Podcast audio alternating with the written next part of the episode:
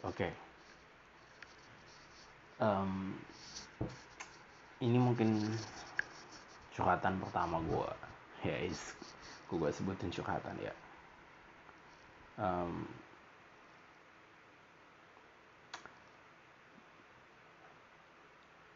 aku ada di satu titik di mana aku mulai menyadari apa yang menjadi kelemahan dari diriku. Apa yang bisa buat saya jatuh dan eh, apa yang bisa buat saya bisa bangun dengan cepat. Eh, ya, saya tahu kalau mungkin kalau berbicara tentang hal ini hampir semua juga merasakan hal yang sama tapi aku nggak ngerti aja sih ketika gue harus gagal dalam kondisi ini gitu kan. Gue akan benar-benar jatuh terpuruk sampai benar-benar susah untuk bangkit.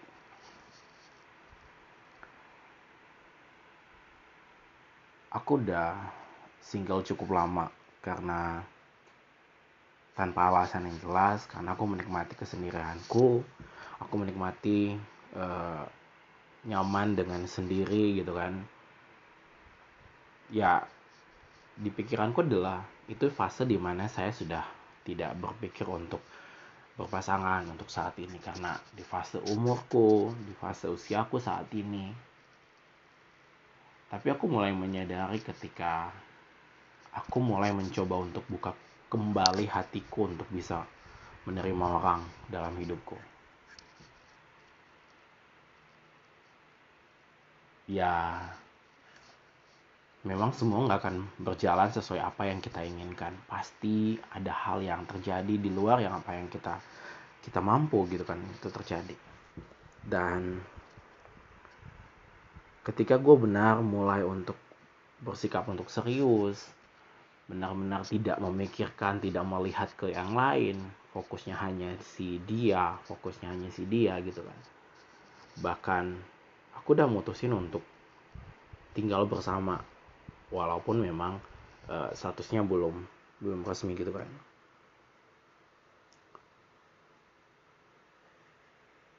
Tapi malah ke sininya banyak hal yang nggak seperti yang yang terjadi.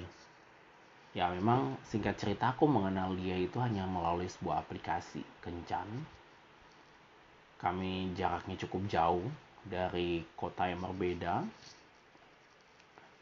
Tapi karena saya sudah merasa nyaman dengan orang tersebut. Saya merasa saya mencoba untuk kembali menjalin hubungan lah. Karena saya tahu mungkin orang ini bisa jadi orang yang tepat untuk saya menjalin hubungan. Karena cukup cukup banyak kecocokan, cukup banyak yang nyambung. Bahkan setiap aku mulai kontakan walaupun itu hanya via WhatsApp ya aku merasa semuanya berjalan sesuai dengan harapanku tapi ketika mulai ketemu ternyata berbeda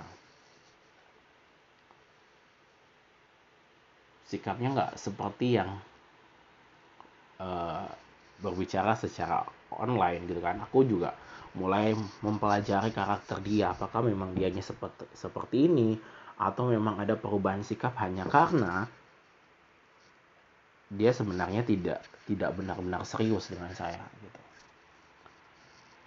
Singkat cerita banyak hal yang terjadi ketika mulai pertama ketemu sampai sudah masuk di bulan kedua pertemuan kita gitu kan. Jadi sebenarnya secara hitungan kita udah menjalin hubungan itu lebih dari kurang lebih empat bulan di luar pertemuan yang lain tapi ini pertemuan secara serius kita itu di empat bulan tapi di bulan um, dua bulan terakhir ini atau mau satu bulan mau kedua bulan terakhir ini ya sudah bersama gitu kan jadi udah nggak LDRan lagi gitu sudah bertemu, sudah di satu kota, uh, sudah bersama lah intinya.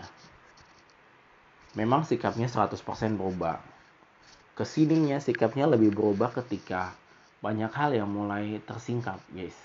Banyak hal yang aku tahu dari dia, banyak hal yang aku nggak bisa pahami dari dia, gitu kan.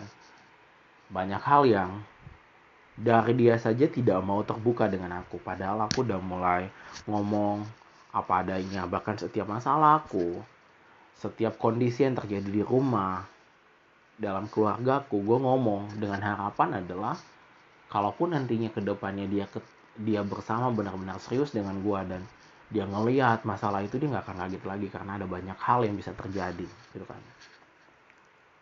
Tapi ya aku nggak ngelihat karakter dia waktu dia ngechat dia masih dia masih uh, video callan teleponan. Dengan aku tinggal bareng dia itu berbeda. Berbeda 180 derajat.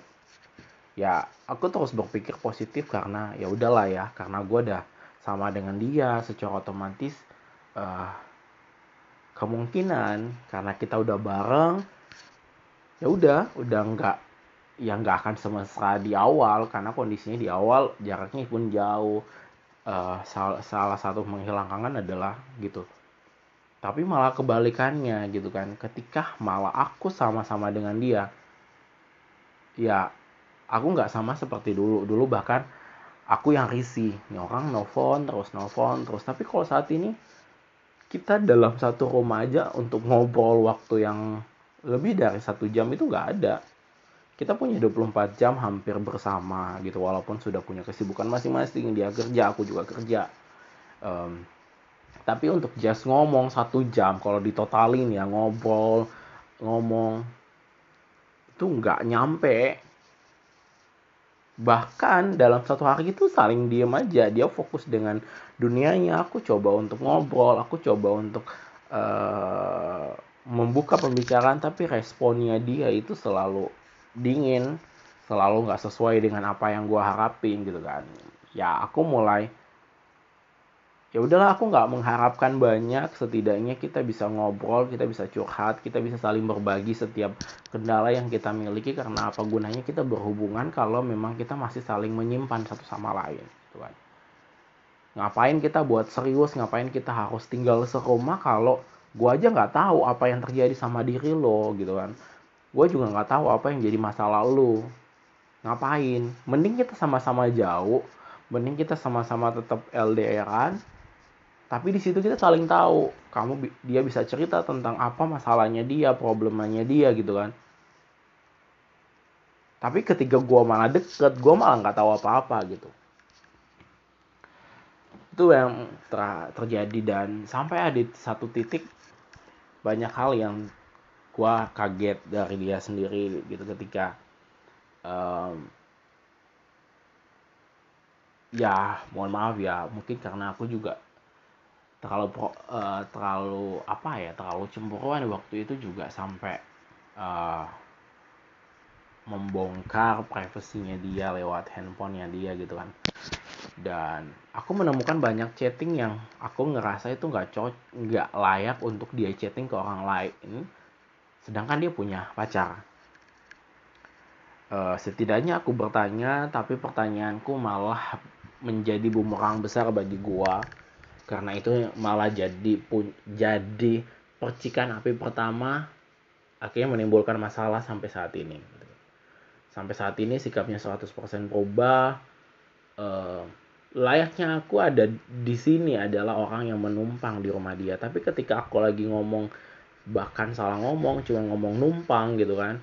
Tapi bah tujuannya bukan bermaksud rumah ini tempat gua tinggal saat ini melainkan uh, aku numpang sama teman kalau mau pulang kantor. Karena kan ini bukan kota gua gitu kan. Gua gua rela pindah ke sini. Uh, salah satu alasannya adalah gua pengen serius dengan orang ini gitu. Tapi kadangkala disalah artikan sama orang tersebut. Sampai gue yang oh my god I don't know. Gue udah bingung. Itu udah udah benar-benar di luar bayangan gue gitu kan. Ke sininya semakin berubah semakin berubah banyak hal yang yang berubah dari dia. Hanya karena aku mempertanyakan aja sih itu siapa? Tapi ternyata pertanyaan saya itu adalah salah di hadapan dia gitu uh, aku merasa aku bukan jadi prioritas utama dari dia. Dia pagi-pagi langsung fokus untuk dengan handphonenya dia. Aku nggak tahu apa yang dilakukan dengan handphonenya dia. Tapi untuk ngucapin selamat pagi untuk nanya kabar untuk nanya uh, lagi apa aku udah nggak pernah ketemu di chattingannya dia. Bahkan aku yang harus benar-benar aktif untuk bisa dia respon terkesan dia lagi menghindar aku sih nggak masalah kalaupun memang uh, aku akan belajar untuk mengikhlaskan kalau memang kita sudah tak berjodoh. Tapi setidaknya untuk dapat diklarifikasi gitu kan. Jangan membiarkan gantung karena this is the problem. Masalahnya adalah aku lemah ketika aku sudah mencintai seseorang. Ketika itu gagal. Aku bagaikan rapuh banget kalau berbicara soal cinta ya aku nggak tahu kenapa tapi this is so hard ini berat aku bahkan sampai bisa ninggalin Tuhanku karena karena aku gagal. Aku merasa broken heart. Ya walaupun gue cowok ya cowok juga kan bisa nangis ya. Aku beneran nangis loh hanya karena gue nyalain diri gue sendiri gitu kan. Ngapain sih lu nanya gitu kan? Ngapain lu yang memperkeruh suasananya? Gue nggak marah ke dia gue malah nyalain diri gue sendiri karena ini gara-gara gue kalau gue nggak nanya kalau gue nggak memancing api itu menjadi besar itu nggak akan sebesar sekarang Ya. This is kondisi yang gue alamin hari-hari ini. Di saat gue dinyatakan positif COVID, gue harus menyembunyikan hal ini dari dia karena aku nggak mau tujuannya dia untuk khawatir. Walaupun sebenarnya walaupun aku informasi pun belum tentu dia khawatir. Dia nanya kabarku saat ini seperti apa juga nggak ada.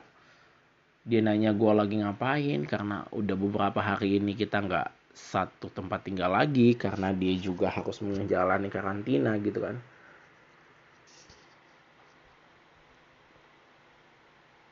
ya tapi dia sibuk dengan aku nggak tahu ya. Aku nggak mau berspekulasi dan aku nggak mau menimbulkan masalah lagi. Jadi aku membiarkan semua story yang dia buat walaupun story itu juga kadang kala aku cemburu walaupun itu juga nggak tahu buat siapa. Ya setidaknya aku coba bertahan.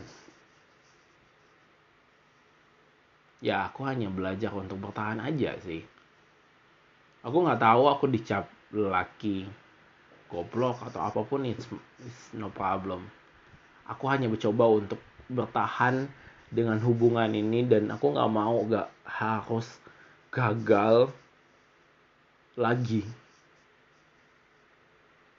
Ya karena jujur aku banyak banget terjadi yang kejadian itu gagal gagal terus gagal terus gagal terus gagal terus. Sampai ya berada di titik kemarin aku nggak membuka hati ke siapa pun. Bahkan sampai itu udah dijodohin gue sampai nggak membuka hati. Karena aku takut gagal. Aku nggak tahu ternyata itu masalah dalam hidup gue dan sekarang aku mulai belajar bahwa aku mulai harus belajar untuk ikhlas kalaupun dia bukan jodohku aku tetap harus ikhlas kalaupun dia jodohku aku juga harus ikhlas karena kalau aku memaksakan apa yang menjadi kehendakku, apa yang gua inginin, apa yang gua harapin, responnya dia, ya aku akan tetap sakit hati sendiri karena aku nggak akan ketemu hal tersebut. Ya di saat saat yang sulit seperti ini, ya aku juga butuh dukungan mental. Ya. Karena untuk terkonfirmasi COVID-19 itu kayak hal yang menegangkan. Setidaknya ada yang memberi support mengingatkan hal-hal yang sederhana cukup memberikan sedikit perhatian gitu ya. Ya this is kondisi yang gue alamin gitu kan. Akhirnya gue curhat. Ya aku nggak tahu akan cerita ke siapa. Aku jujur ke dia pun salah. Um, aku ngomong ke orang lain itu pun belum tentu direspon dengan baik. Ya mungkin ini salah satu cara aku mengeluarkan apa yang lagi ada dalam hati gue hari-hari ini setidaknya sebagian dari masalah gue udah gue ceritakan. Ya siapa pun yang dengar nantinya uh, kalaupun pernah mengalami posisi seperti saya ya saya nggak tahu apa yang saya lakukan hari ini kali ini untuk tetap bertahan itu benar atau salah saya punya alasan kenapa saya ingin bertahan saya punya alasan kenapa saya memilih untuk tetap berpikir positif kalau dia tidak bermain di belakang saya. Saya tetap berpikir positif kalau dia adalah tetap serius dengan saya. Ya. Sampai kapan? Sampai usaha saya itu benar-benar nggak direspon mungkin atau gimana yang penting aku tetap berusaha. Thank you udah dengerin cerita gua dan tetap semangat teman-teman. Uh, patuhi juga protokol kesehatan karena COVID-19 itu benar-benar nggak enak gak enaknya di tubuh dan gak enak di mental gua karena gua harus benar-benar isolasi mandiri tanpa keluarga yang mensupport di sini di kota baru yang gue tempatin saat ini. Dan gue juga nggak bisa membuat mereka khawatir karena secara jarak juga jauh. Dan aku terpaksa berbohong kalau saya baik-baik aja padahal kondisi fisik memang belum stabil mental juga belum stabil. Ya setidaknya aku bisa curhat. Thank you semuanya